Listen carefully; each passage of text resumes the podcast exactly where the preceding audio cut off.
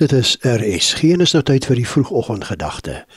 Dit word veraloggend aangebied deur Dr. Johan Pinaar, skrywer en bestuurskonsultant van Pretoria. Goeiemôre. Ek hoop dat jy 'n wonderlike dag gaan hê. Ek doen bietjie houtwerk en ek doen so rukkie gelede houtwerk.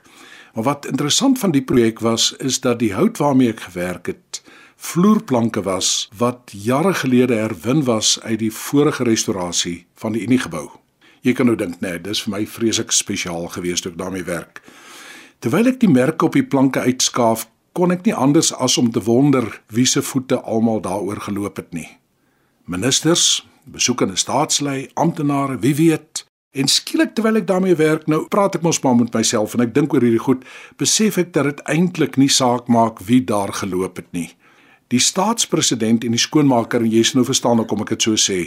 Die staatspresident en die skoonmaker het almal eweveel invloed op die verwering van die hout gehad. Die staatspresident het nie dieper spore gemaak as die skoonmaker nie. En dis die boodskap van Spreuke 27 vers 17. Eyster slyp eyster. Vriende vorm mekaar. Almal van ons beïnvloed ander. Geen woord wat ek sê of nie sê nie daad wat ek doen of nalat om te doen, gaan ongemerk verby nie.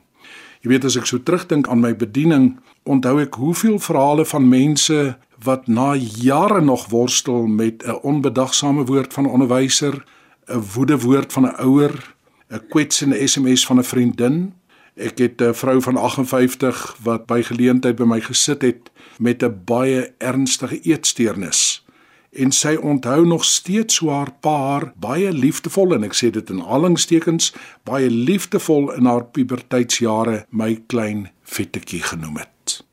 My ondervinding is verder dat ons die sogenaamde groot goed dikwels beter hanteer en meer bedag is op wat dit met ander doen, maar vergeet dat dit die klein jakkalsies is wat dikwels die grootste verwoestingswerk doen.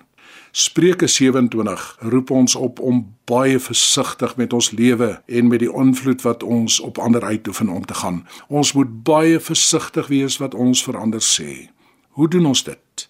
Maak elke oggend in gebed 'n doelbewuste keuse om jou invloed baie positief te gebruik. Hierdie keuse kan ons nie genoeg maak nie. Vra vir mense naby aan jou om baie eerlik te wees oor gewoontes wat jy dalk onbewustelik aangeleer het en wat seermaak.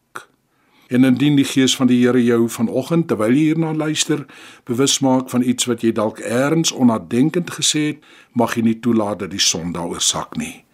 Gaan maak dit vandag dadelik reg. Dankie dat jy ingeskakel het. Mooi dag.